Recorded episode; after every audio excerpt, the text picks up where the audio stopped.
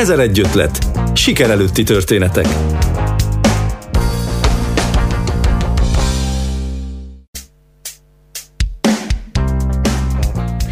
Szeretettel köszöntöm hallgatóinkat, Kristálybe vagyok. Hétfőn mutatták be Kolozsváron Márton Evelin legújabb Soleá Minor című könyvét, amely egy katasztrófa utáni világot ír le. Egy megállíthatatlan sárlavina hömpölygő masszává darál földrészeket és civilizációkat.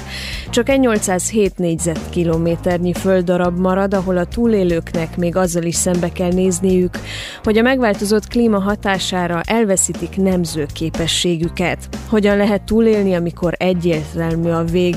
Erről is beszélgetünk Márton Evelinnel, a könyv szerzőjével a mai Ezer egy ötletben.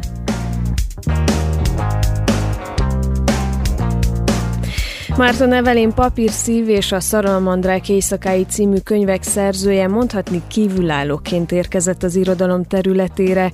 Művészettörténetet végzett, érdekli a régészet, folyamatosan követi annak újításait, fejlődését. Közben a Bukaresti Rádió és a Helikon folyóirat munkatársaként is dolgozik.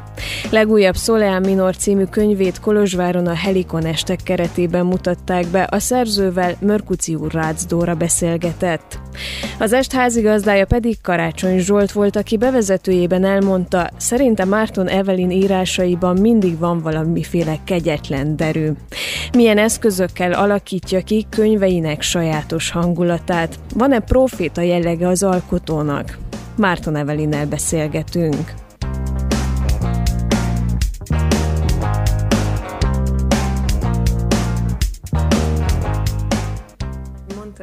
Könyvbemutatókor, hogy nagyon sok esetben úgy fogsz neki írni, hogy érkezik egy felkérés, arra megírod a szöveget, és nem tudod abba hagyni.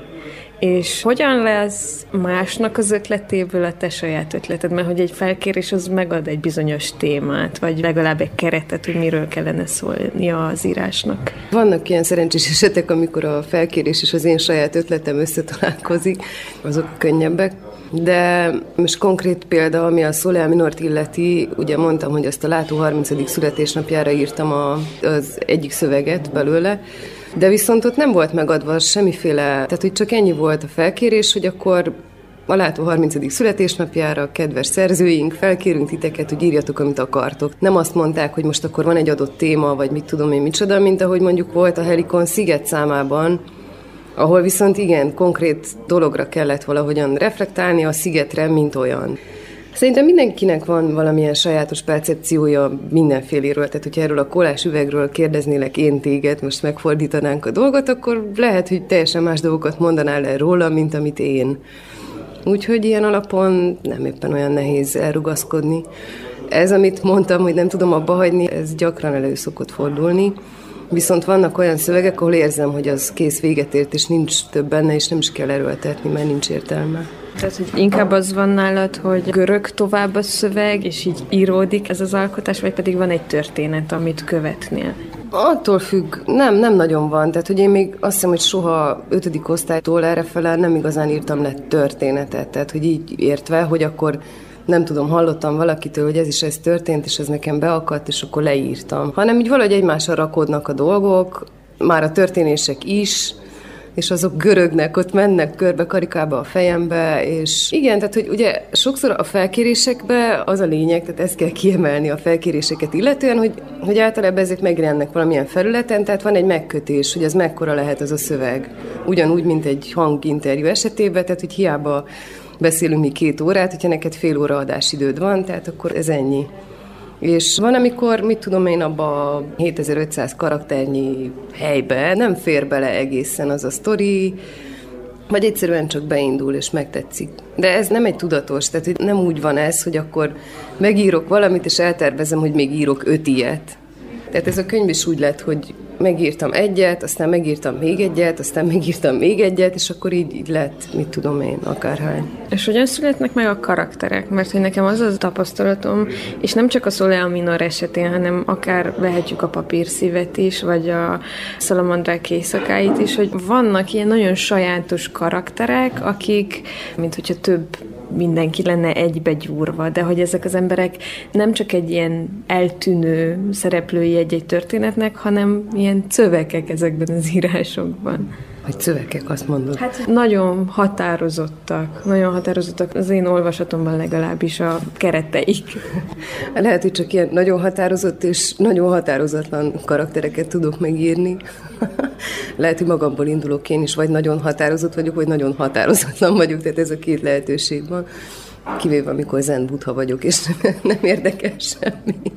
Ezek megint olyan dolgok, amik szerintem ugyanúgy valahol a háttérben, az agyban működnek. Ugye szerintem minden alkotó ember, mindegy, hogy az író, vagy képzőművész, vagy színész, nagyjából abból építkezik, vagy sokat építkezik abból, hogy megfigyeli a környezetét, azokat az embereket, akikkel találkozik, és ez valahogy beívódik az ember agyába egy idő után bizonyos tipológiákat is képesek vagyunk felállítani, bár ezek ugye én nekem vannak kérdőjeleim, tehát hogy nem, nem szeretek azért elindulni az első benyomásokon, mert van, amikor bejön, van, amikor meg teljesen tévesnek bizonyul az, amit valakiről gondolok első látásra. Na de hogy vannak sajátos jegyek, és akkor azok így elrakódnak, és amikor írsz, vagy mondjuk színészként fel kell építsél egy karaktert, akkor szerintem ezekhez nyúlsz, a saját agyadból előszedsz ilyen képeket, olyan emberekről, akikkel találkoztál, de több nyilván, tehát hogy ezt nagyon jól látod, vagy mondod, hogy több személyiségből tevődnek össze általában, nem egy valaki. Meg én nem is törekszem arra, tehát hogy nem a klasszikus irodalomban ugye a karaktert ezt felépítik, tehát hogy van füle, farka, általában gyermekkora is van neki, vagy van gyerekszobája, vagy nincsen, ez változó, de hogy felépítik olyan szinten, hogy, hogy mit tudom én, hogyha mondjuk filmesítik az illető irodalmi alkotást, akkor csak castingel meg kell keresni azt a színészt, aki karakterében, meg akár fizikumban is talál ahhoz a, a szereplőhöz. Én nem törekszem erre, tehát hogy nem tudom, hogy hogy néznének ki ezek az emberek, hogyha így kicsapnánk őket a, a könyvekből az utcára, furcsák lennének valószínűleg egy kicsit. Azt mondtad, hogy a klasszikus irodalomban felépítik a karaktereket, akkor a te irodalmad az, az így valahogy egy kicsit különc? Nem feltétlenül különc, tehát hogy nem, nem hiszem, hogy én olyan nagy, nagy fene író lennék, hogy most akkor én nekem egy ilyen külön stílusom van, és inkább, tehát hogy a minimalista próza az, ami engem inkább mozgat, és ide el kellett jussak, nem biztos, hogy már ott vagyok, én úgy gondolom, hogy ott vagyok, de lehet, hogy még nem. Tehát, hogy mit tudom én, hogyha a nagy példaképeket vennénk, idézőjeles példaképeket, akkor Eszterházit is nagyon kedvelem, és Nádast is nagyon szívesen olvasom, mondjuk Nádas Pétert, aki ugye tudjuk, hogy ilyen 1500 oldalakat tud ki bocsátani magából, anélkül, hogy untatná az olvasót, és tényleg rettenetesen részletgazdag, és pont ettől olvasmányos, legalábbis az én olvasatomban, de hogy ami számomra vonzóbb, az mondjuk a Bodor Ádám féle abszolút minimalista próza, tehát hogy minél kevesebb szószaporítás nélkül, minél kevesebb stílusjegyet, de azért nagyon jól pontozva mutatni be a karaktereket, vagy egy helyzetet, ez, ha nevezhetem célkitűzésnek, de hát nem az, hanem Szerintem ez alkati dolog egyébként. Tehát alkati dolog. Visszatérek még egy párszor szerintem erre a könyvbemutatóra, és már nem tudom, hogy mire reagálva mondtad azt, hogy lehet, hogy egy kicsit túllőttél a célon egy adott írással, vagy egy adott elképzeléssel a könyvben. Vannak-e határok, amik szerint mozogsz írás közben? Hát vannak határok, azok a saját emberi határaimmal egyenértékűek, vagy ugyanott húzódnak, tehát hogy azért Például nem nagyon szeretem a vulgaritást, van, amikor annak helye van, tehát hogy nem mondom azt, hogy soha nem használok vulgáris kifejezéseket, vagy ilyesmi, de hogy, hogy erre nem szeretek rájátszani, mert nem látom abszolút semmi értelmét, meg azért én emberként is próbálom elkerülni azt, hogy mondjuk bárkit is megsértsek, de nyilván ezt nem egy ilyen mimóza alkatként, hogy most akkor semmit nem szólok, vagy nem tudom, de tehát, hogy nem célom az, hogy mondjuk az írásaimmal valakit pellengére állítsak, egy stílust, egy bármit. Tehát, hogy nem, nem ez a célom, és ezt igen, ezt szem előtt tartom, hogy azért ne...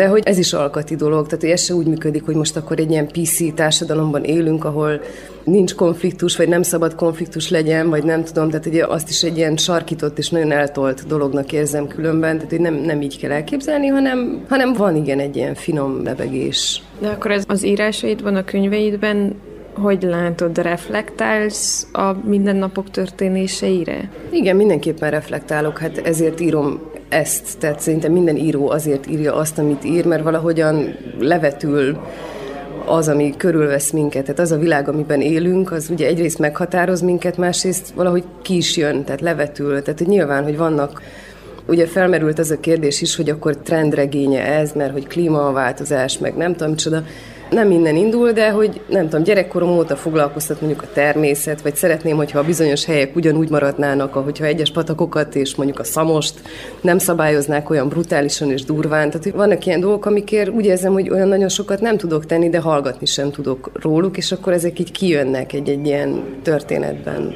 Akár egy könyvben, vagy, vagy nem tudom, egy rövidebb szövegben, amit itt-ott megírok Helikon vezércikk címszó alatt. Úgy tudom, hogy a Soleil Minor még azelőtt megszületett, legalább részleteiben, mielőtt beütött volna a világjárvány, mint olyan. És mennyire volt számodra esetleg kísértés az, hogy majd így hozzátegyél a járvány tapasztalataiból ehhez a könyvhez. Ugye a könyvben is egy katasztrófa utáni helyzetet írsz le. Inkább elvettem belőle, mint hozzátettem, mármint a szöveghez. Igen, majdnem teljesen kész volt különben, amikor beütött ez a krach. Ez nem azt jelenti, hogy nem dolgoztam rajta. Egyébként ott a leglényegesebb dolog az a magány és az elmagányosodás, ami engem érdekelt, és ami érdekelt mindig is, tehát hogy nem ez az első történetem, ahol e, e körül járkálok. Konkrétan az, hogy mondjuk a társas magány milyen. Tehát egymás mellett élünk, vagy együtt élünk, ennek ellenére az ember lehet magányos. Tehát egy óriási nagy család kellős közepén is tud az ember magányos lenni, mert egyedül marad a gondolataival, vagy a, az elképzeléseivel, és egy idő után lehet, hogy arra a következtetésre jut, hogy hogyha hallgat róluk, és ezeket nem tálalja, mert akkor úgyis csak konfliktusba ütközik, tehát hogy így magába folytja az egészet, és ez egy régi kísérlet, vagy nem is kísérlet, tehát hogy én magam is megélem ezt időnként, nem azt mondom, hogy mindig ebben vagyok, de elég gyakori. Másrészt rájöttem, hogy, hogy én szeretem a magányt, tehát hogy nekem semmi bajom nincsen azzal, hogyha egyedül vagyok, sőt vágyom rá időnként, és akkor ez nagyon furcsa ezt kijelenteni, miközben az embernek családja van, mert szeretem őket, és nagyon szeretek velük lenni, és nem tudom elképzelni az életemet nélkülük, bár bevallom őszintén megpróbáltam elképzelni, de nem azért mondom, hogy valami, hanem hogy csak úgy hogy az ember próbálja beleélni magát azoknak a szereplőknek a helyzetébe, akiket ő maga teremt. De hogy itt inkább erről szólt ez az egész. És akkor a járvány annyit adott hozzá ehhez, hogy mondjuk végignéztem azt, hogy, hogy a lakásunkban az egyik szobában iskola volt, a másikban egyik munkahely, és a konyhában a harmadik ott voltam én. és hogy, hogy el tudtak telni napok úgy, hogy szinte minimális kommunikációt folytattunk egymással. Jó, az ember összeölelkezik, tehát hogy kompenzálni lehet persze a verbális kommunikáció hiányát azzal, hogy megölellek, és akkor érzed, hogy ott vagyok és szeretlek.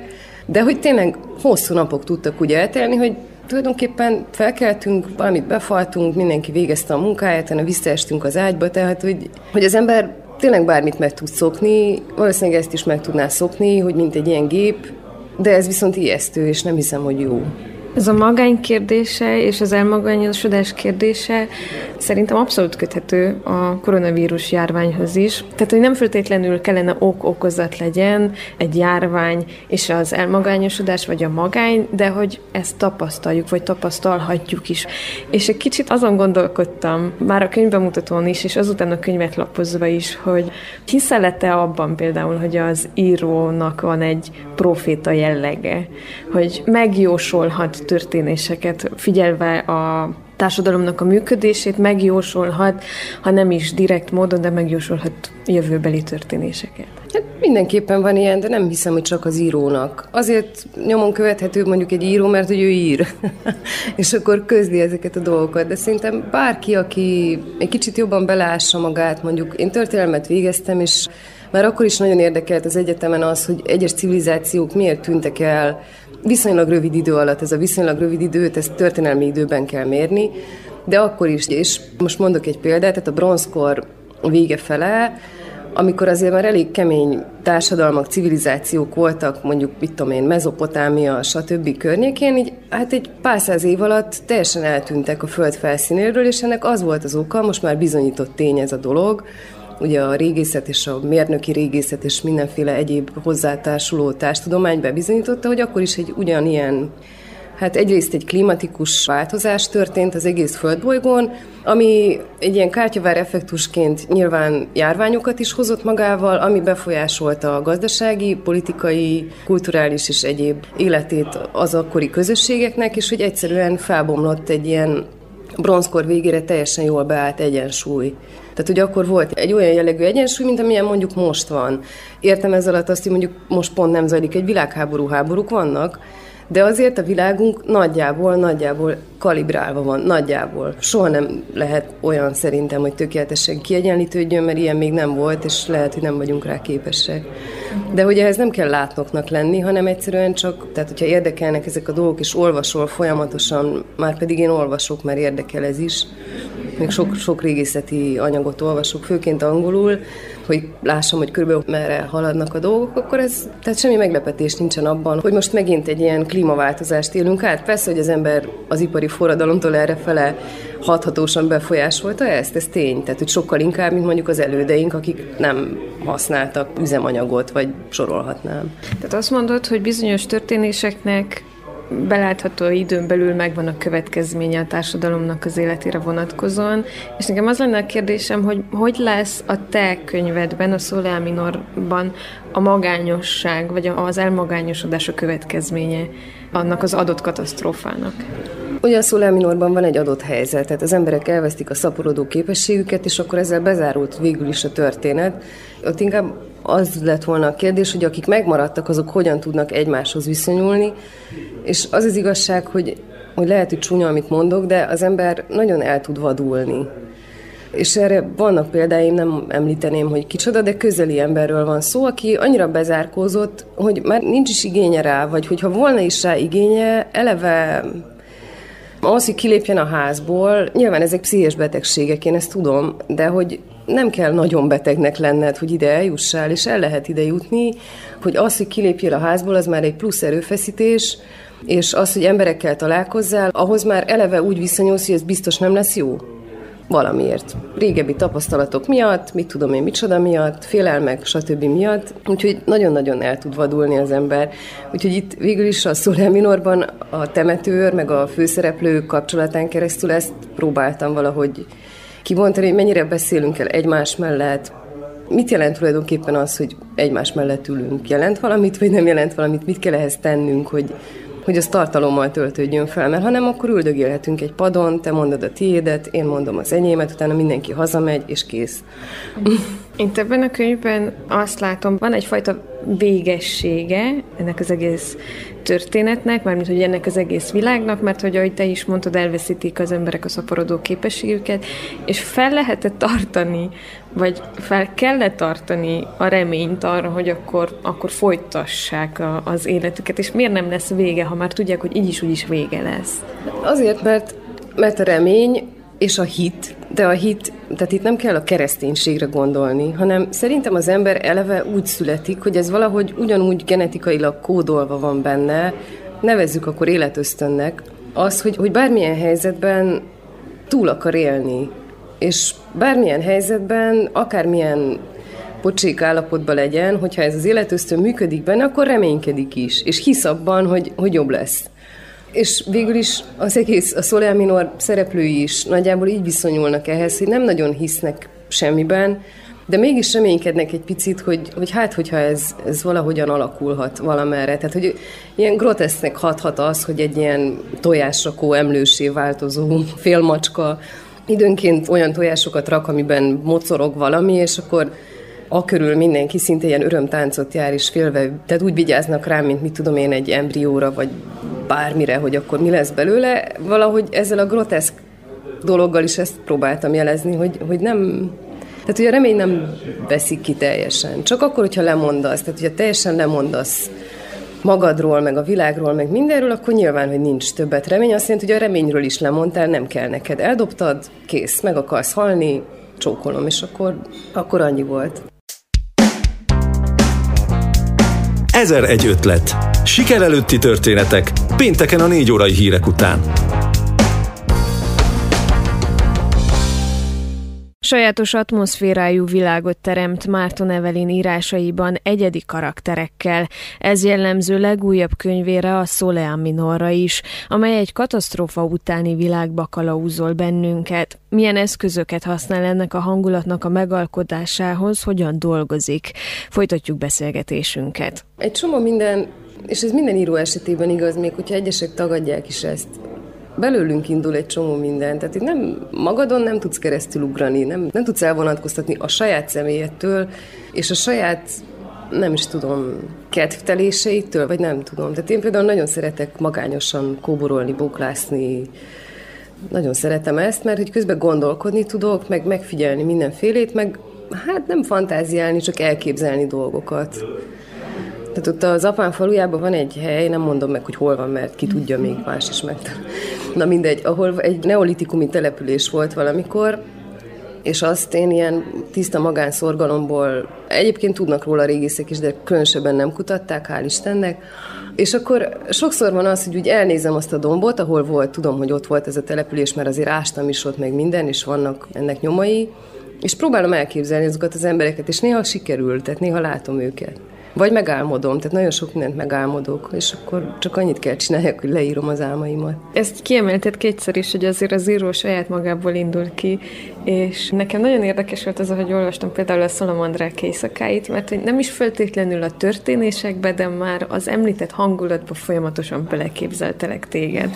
És tudom, hogy ott se minden valós, vagy ott is keveredik a fikcióval helyenként, de hogy mégis úgy mindig, mintha ott lettél volna a hátam mögött, és nézted volna, hogy én olvasok és haladok ezekben a történetekben, és ez nem rémisztő, hogy tulajdonképpen hát az olvasóid ebből kifolyólag így bemászhatnak a te gondolatvilágodba, vagy érzésvilágodba is. Ezért közlök, tehát hogyha azt akartam volna, hogy soha senki ne tudja meg, hogy én miről mit gondolok, akkor valószínűleg, ha írnék is, soha nem mutattam volna meg. De azért megmutattam, tehát hogy van bennem egy ilyen vágy is, hogy akkor tessék, ez vagyok. Nem zavar, mert hogy nem hiszem, hogy bármivel sarokba lehetne szorítani engem, amit leírtam, amit én magam írtam le, úgy értve. Biztos, hogy vannak vitatható dolgok, meg olyasmik, amiket más másképp gondol, vagy nem tudom, vitatkozni amúgy nem szeretek, de igen.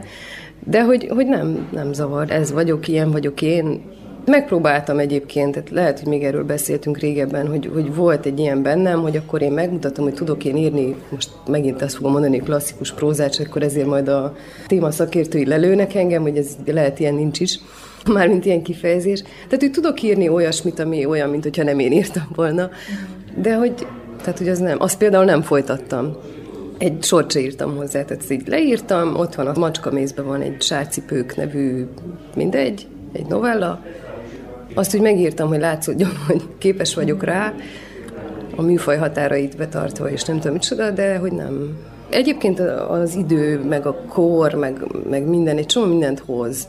Tehát, hogy az ember a saját szövegeiből, meg azokból a könyvekből, amiket elolvas, meg a, ugye most már prózát is szerkeztek, tehát rengeteg, szöveg, rengeteg, nem olyan sok, de sok szöveg átmegy a kezemen, meg azokat elolvasom, és azokból is egy csomó mindent leszűr az ember, és akkor így szövegről szövegre alakul valahogy a, az, hogy mondjuk egyre vékonyabbak a könyveim, és ez jó. Mi hat a te nyelvedre, arra a nyelvre, amit használsz ezekben az írásokban? Uh-huh. Sok minden hat, de az, amire figyelni is szoktam, mármint ami tudatos azért ebben a nyelvhasználatban, az egyrészt a közhelyeknek nem a kerülése, mert szeretem a közhelyeket, azok nagyon jók a közhelyek mármint időnként. Nagyon jól lehet velük pontozni ezt-azt. Viszont a beszélt nyelv az, az azért az izgat, mert hogy én úgy gondolom, hogy a nyelv az folyton változik. Annak ellenére, hogy persze most megint új helyesírási szabályai vannak a magyar nyelvnek, vagy egy picit módosultak, de ugyanakkor új szavak is beépülnek a nyelvben, mit tudom én, a nyelvújítás korához képest a mostani beszélt nyelv meg az akkori között, tehát elég nagy különbség van azért. Ez nem azt jelenti, hogy nem értjük azt meg már, hanem Egyszerűen vannak szavak, amik értelmüket vesztik, amiatt, hogy kikopnak valamilyen okból kifolyólag a beszélt nyelvből, mert nem tudom, egy bizonyos szakmához, vagy valamihez kapcsolódnak, amit már mi emberek nem használunk most. Tehát azok úgy eltűnnek. Van, aki tudja őket, van, aki nem. Tudatosan használok ilyen kifejezéseket is néha, pont azért, hogy végülis író vagyok, megtehetem, hogy bizonyos kifejezések, vagy ilyen bizonyos régiókban használt kifejezések, növényeknek a neve, tehát tudjuk azt, hogy a Székelyföldön egyféleképpen mondják neki, és Szatmárba teljesen másképpen. Tehát ezeket tudatosan benne hagyom, vagy használom, vagy keresem, sokszor keresem is. Tehát van úgy, hogy én magam is szavakat tanulok magyarul, miközben írok, mert érdekel. Tehát utána megyek valaminek, vagy sokszor, nem tudom, hogy veled van-e ilyen, hogy így bevillan egy kifejezés, vagy egy szó, de hogy nem tudod pontosan, hogy mit jelent. Tehát, hogy van ilyen, tudod, mert ott van, mert valamikor olvastad, vagy megtanultad, és akkor annak így utána szoktam ásni, hogy na, de a beszélt nyelv az, amire azért úgy próbálok valamennyire. Biztos, hogy nem pont úgy írok, ahogy mondjuk a busz megállóban beszélgetnek két kolozsvári magyar ember, de, de azért az is úgy benne van. Én mondok nem létező szavakat, és ez abból adódott, hogy rájöttem egy idő után, hogy a kolozsvári ismerőseim nem értik a székely nyelvjárásból származó régebbi szavakat, és elkezdtem ezeket időnként ide-oda beszúrogatni, csak hogy mivel már nem föltétlenül használom, mert nem élek otthon, ezért már nekem is ez így egy kicsit elkopott, de azért bebeteszek, és akkor kérdezik, hogy mit jelent, ez vagy az a szó, és rájövök, hogy ezt én találtam ki. Mert hogy ezt nem használják otthon, de annak egy adott szónak a rímelő szavát használom én az adott kifejezés helyett. És neked vannak saját szavaid, amik amúgy vannak, vannak, és nagyon szeretem ezeket, de most azon gondolkozom, hogy tudok-e mondani. Van, van több minden, de azt viszont tudom pontosan, hogy, hogy milyen hatásra születtek ezek a szavak. A gyerekemet például most gömbicének nevezem. Ez a gömbice, hát ez egy ilyen félig meddig gömbölyű valamit jelent, amint hallhatjuk is, ugye. Van Tolstajának, van egy regénye, az a címe, Tolstaja, ő Tolstoynak az unokája, a lány unokája, aki megírta a X című fantasztikus regény. Ez is egy ilyen egy disztópia, és abban rengeteg ilyen kifejezés van. Csodáltam a fordítót egyébként, hogy ő képes volt ezeket, tehát hogy oroszul is oroszosan hangzó, de nem létező szavakat használ. Ez egy jó játék, és megengedi, bármelyik nyelv megengedi szerintem, a magyar különösen, mert azt tudjuk, Parti Nagy Lajos a nagy művelője ennek, de hogy ő képes teljesen ilyen halandzsa, vagy szinte halandzsa nyelvet, de nem csak ő építeni, és mégis valahogy értjük, hogy miről van szó, nem? Tehát, hogy a hangulata az átjön. És a nevek? A nevek hogyan születnek? Úgy születnek a nevek, hogy én elképzelem azt a karaktert, tehát én el tudom őt képzelni, ezért bírom megírni szegényt valahogyan, és akkor kell neki egy név. És azon azért elég sokat tűnődök, de általában aztán úgy egyből kijön. Mondjuk itt a Szóleánál eléggé most se vagyok meggyőződve róla, hogy olyan jók lettek azok a nevek, de most már mindegy, mert már megjelent. De ott ugye, hogy a látónak írtam azt a szöveget, ez a látót úr, meg a nyugati hadtest, meg ezek, ezek azért maradtak benne, mert hogy ezt nekik írtam, személyre szabottam már, mint a látó folyóiratnak, és aztán így benne maradt. Nem tudom, szeretem az ilyen, úgy gondolom, hogy vannak karakterek, ha úgy hívnánk, hogy Pista, akkor elveszíteni a karakterének felét. Amiatt, hogy a neve az egy ilyen, akármilyen név. Ez nem jelenti azt, hogy ők olyan nagyon különleges emberek feltétlenül, vagy kimagaslanak, mint a szamára jusserekből, de akkor utólag születik meg a név? Miután már megvan a karakternek a személyisége? Hát miután a fejemben megvan a karakternek a személyisége. Tehát, ha leülök írni, akkor már ott van a név is. Előbb fejben szoktam, fejben szoktam írni, vagy hogy mondjam ezt. Igen. És akkor ilyenkor mész akár az utcán, és írod a könyveidet? Hát ez az írom a könyveimet, nem feltétlenül írom, hanem látom, inkább látom. Tehát nem, nem mondanám azt, hogy írom, hanem látom. És hogyha mondjuk elakadok valahol, mert van olyan, persze, érzem, hogy sántít és nem jó, és valamit kéne csinálni, akkor az ott nem hagy békén addig, amíg míg meg nem oldom valahogy. Sokszor mondják a szerzők, alkotók, nem csak szerzők, alkotók azt, hogy a, az alkotás folyamata az egy magányos dolog. Neked ez egy mennyire magányos tevékenység, vagy így, ahogy mondod, hogy akkor elakadsz vele, és, és azon dolgozol, mi tud segíteni, vagy van-e olyan, ami külsőleg tud segíteni neked? Egyébként néha az is segít, hogyha az ember kiszáll pont. Tehát, hogy mániákusan csinálja ugye ilyenkor az illető alkotó azt a valamit, fejben. és néha, néha jó kiszállni abból, máskor meg kellemetlen, hogyha valaki kibillent ebből a transz állapotból.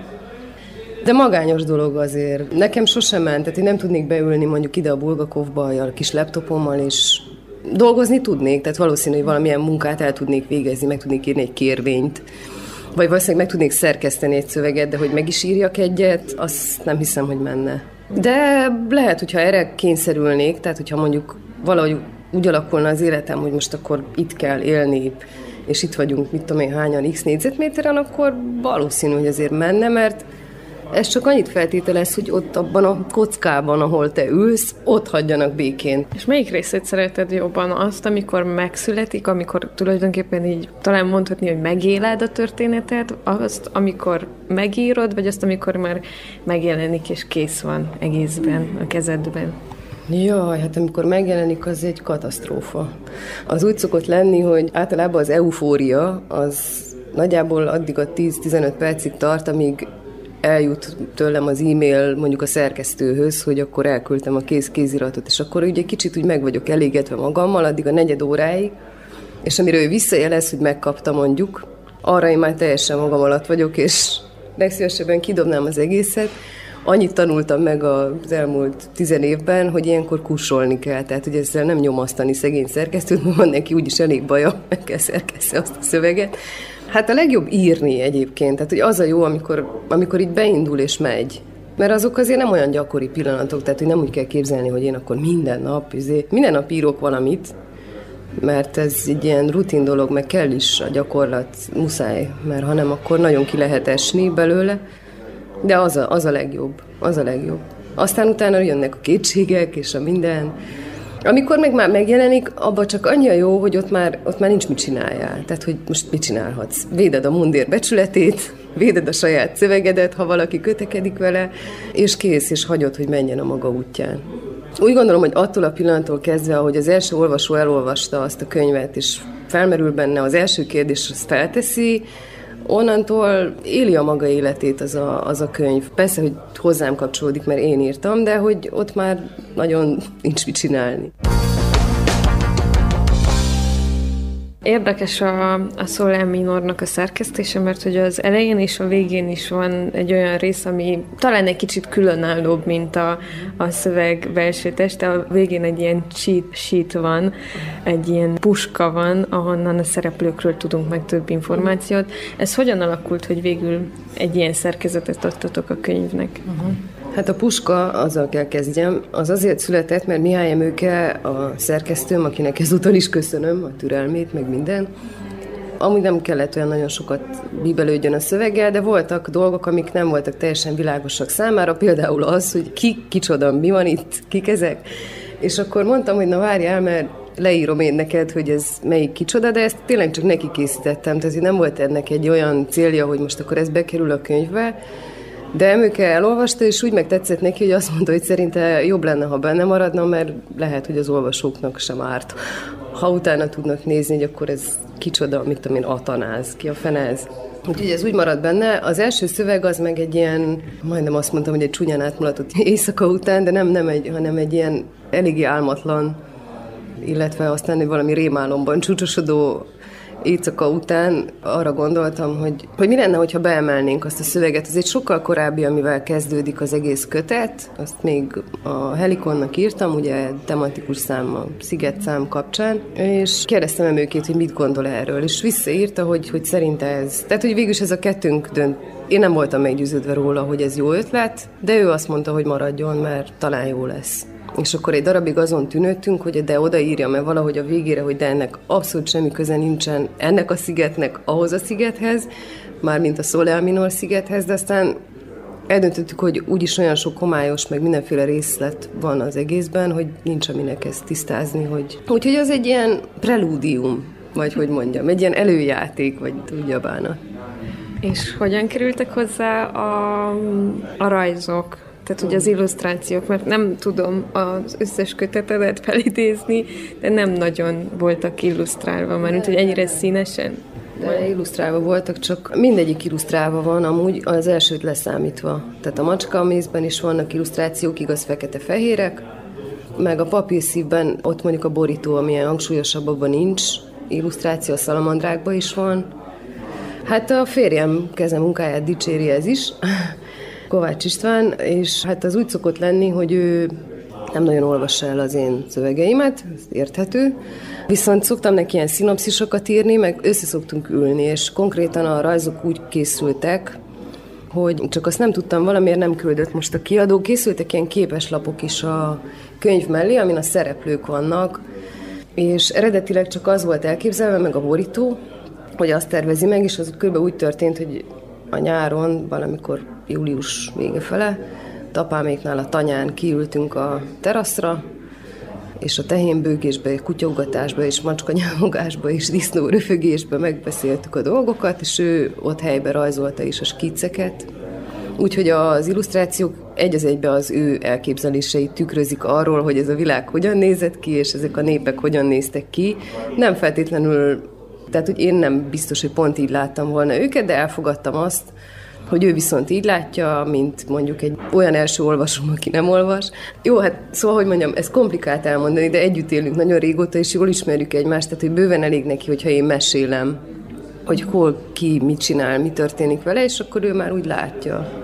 És ezt én nagyon élvezem, olyannyira, hogy annyira tetszettek a rajzai, mert aztán illusztrációk is kerültek a szövegtestbe is, hogy javasoltam a kiadónak, hogy na hát ezek elkészültek, és akkor szerintem vágjuk ki a teljes szöveget.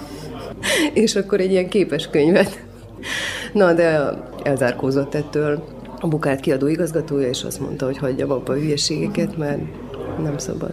Mennyire élsz benne a szövegekbe? Tehát, hogy nem tudom, hogy az írás folyamatában ez hogyan készül, de hogy hamarosan készül egy következő könyved is, és viszonylag kevés az idő a kettő között. Tudod-e a két történetnek a világát párhuzamosan működtetni, vagy egyszer az egyiket, máskor a másikat, vagy az egyiket be kellett fejezni ahhoz, hogy a másikon dolgozni tudj?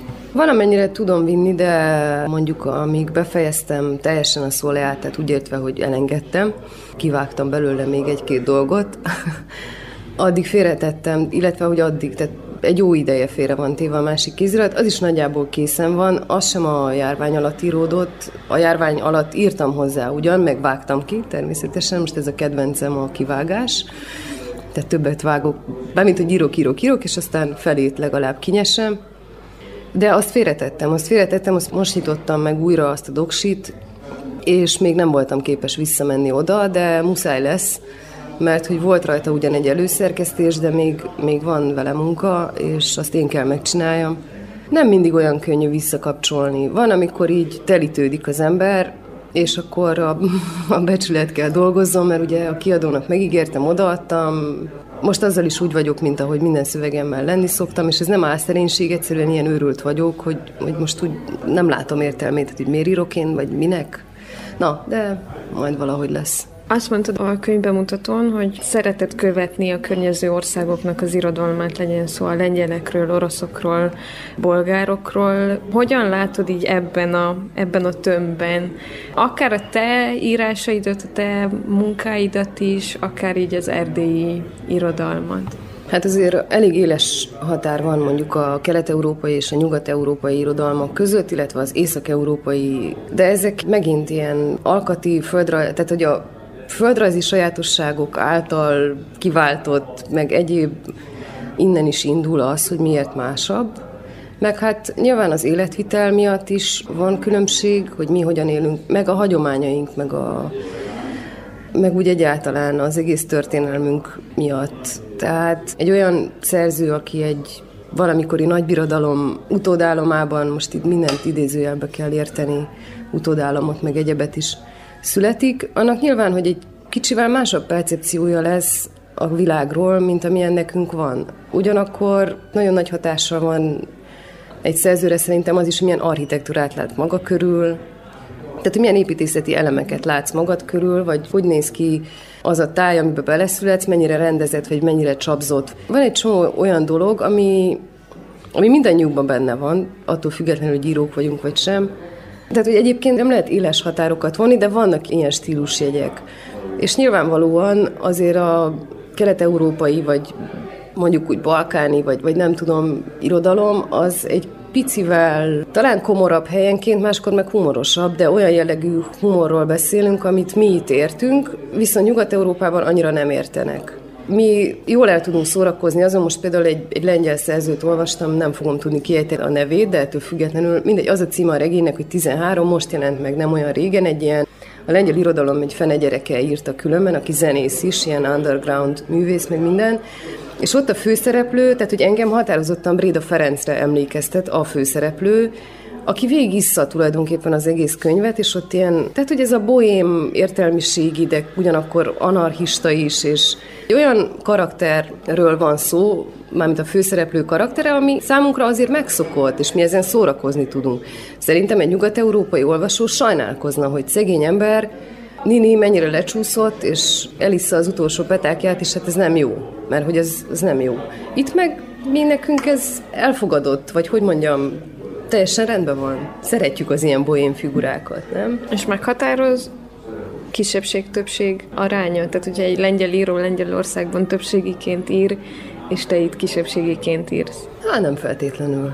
Nem hinném. Vagyis vannak helyzetek, amikor igen, de amúgy sok román irodalmat olvasok, és attól is el lehet különülni. Attól függ, hogy mi a cél, hogy most mit akarunk, mit keressünk, a különbözőségeket keressük, vagy a hasonlóságokat keressük, és mind a kettőből lehet találni bőven. Hogyha valaki azon a vonalon indult el, hogy akkor mi kisebbségi magyarként elhatárolódunk ebben, ebben és ebben és ebben, mit tudom én, a román irodalomtól, a bolgártól, a lengyeltől, a csehtől, a szlováktól, akkor igen, meg lehet találni azokat a stílusjegyeket, de hogyha meg azt keresed, hogy mi az, ami viszont összeköt, vagy mi az, ami, mert hát végülis sorsközösségben élünk, tetszik, nem tetszik, románokkal, bolgárokkal is sorolhatnám, és a világ összes többi népével együtt, de hát itt ezt tudjuk, mert ez van közelebb, vagy erről van több tudásunk pontosabban akkor én sokkal több hasonlóságot vélek felfedezni, és egyébként az erdélyi magyarság nem egyedülálló a maga kisebbségi létével Európában vagy a Balkánon. Tehát, hogy itt lépten nyomon ugyanazokba a történetekbe botlunk bele.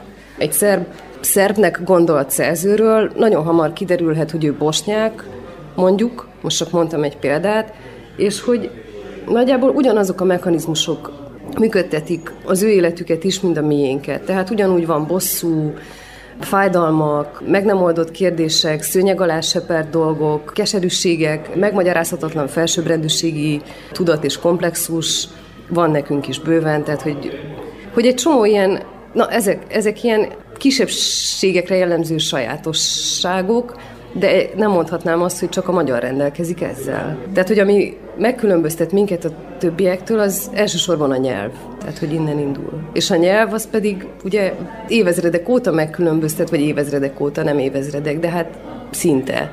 Tehát amióta a magyar nyelv, mint olyan kialakult és működik, az azért alakult ki úgy és működött úgy, mert, mert olyan volt a magyar közösség, és arra használt, nem tudom, tehát nekünk nincsen 15 kifejezésünk arra, hogy havazik, mert nem egy olyan helyen éltünk, ahol folyton havazik.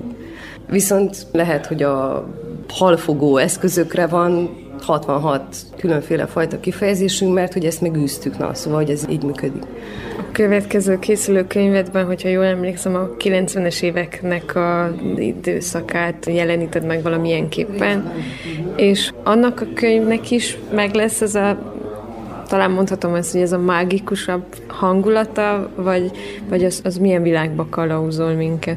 Valószínűleg, hogy meg lesz, mert az én fejemben valahogy így látszanak a dolgok. Tehát lehet, hogyha nem így látnám, akkor már rég elástam volna magam, mert mert miközben a világ gyönyörű és szép, ugyanakkor rettenetes és borzasztó is, tehát hogy ez a kettő így együtt működik. És ez a kettőség, ez szerintem mindenkiben benne van. Megint azt gondolom, hogy nem én vagyok ezzel egy ilyen kirívó eset. Hát a Farkashab, ez a munka címe vagy valószínűleg ez is marad, most már nem változtatok rajta. A farkashab ott is lesz, van egy ilyen kettőség, egy ilyen városi, tehát egy ilyen urbánus környezetben játszódik a sztorinak egy része, a másik meg egy teljesen vidéki, eldugott eldugott helyen, ami le se tudnám tagadni, hogy hozzám kötődik, mert hozzám kötődik. Tehát, hogy ugye én itt nőttem fel Kolozsáron, de a vakációimat egy ilyen eldugott furcsább helyen töltöttem, és ez örök életemre meghatároz engem, úgyhogy ez alól nincs kibújás. Nem szeretem megnevezni a... Bár ugye a Szalamandrákban többször is előfordul, hogy Románia meg, de hogy pont emiatt, amit az előbb említettem, hogy, hogy nincs olyan éles határ azért mondjuk egy erdélyi magyar szerző és egy szerbiai bosnyák szerző között, szerintem, se a témákban, se a hangvételben, se semmiben, mert hogy most élünk, tehát ez is rányomja a bélyegét az egészre, és akkor ezért én nem szeretem olyan nagyon pontosan meghatározni földrajzilag, hogy hol játszódik ez az egész.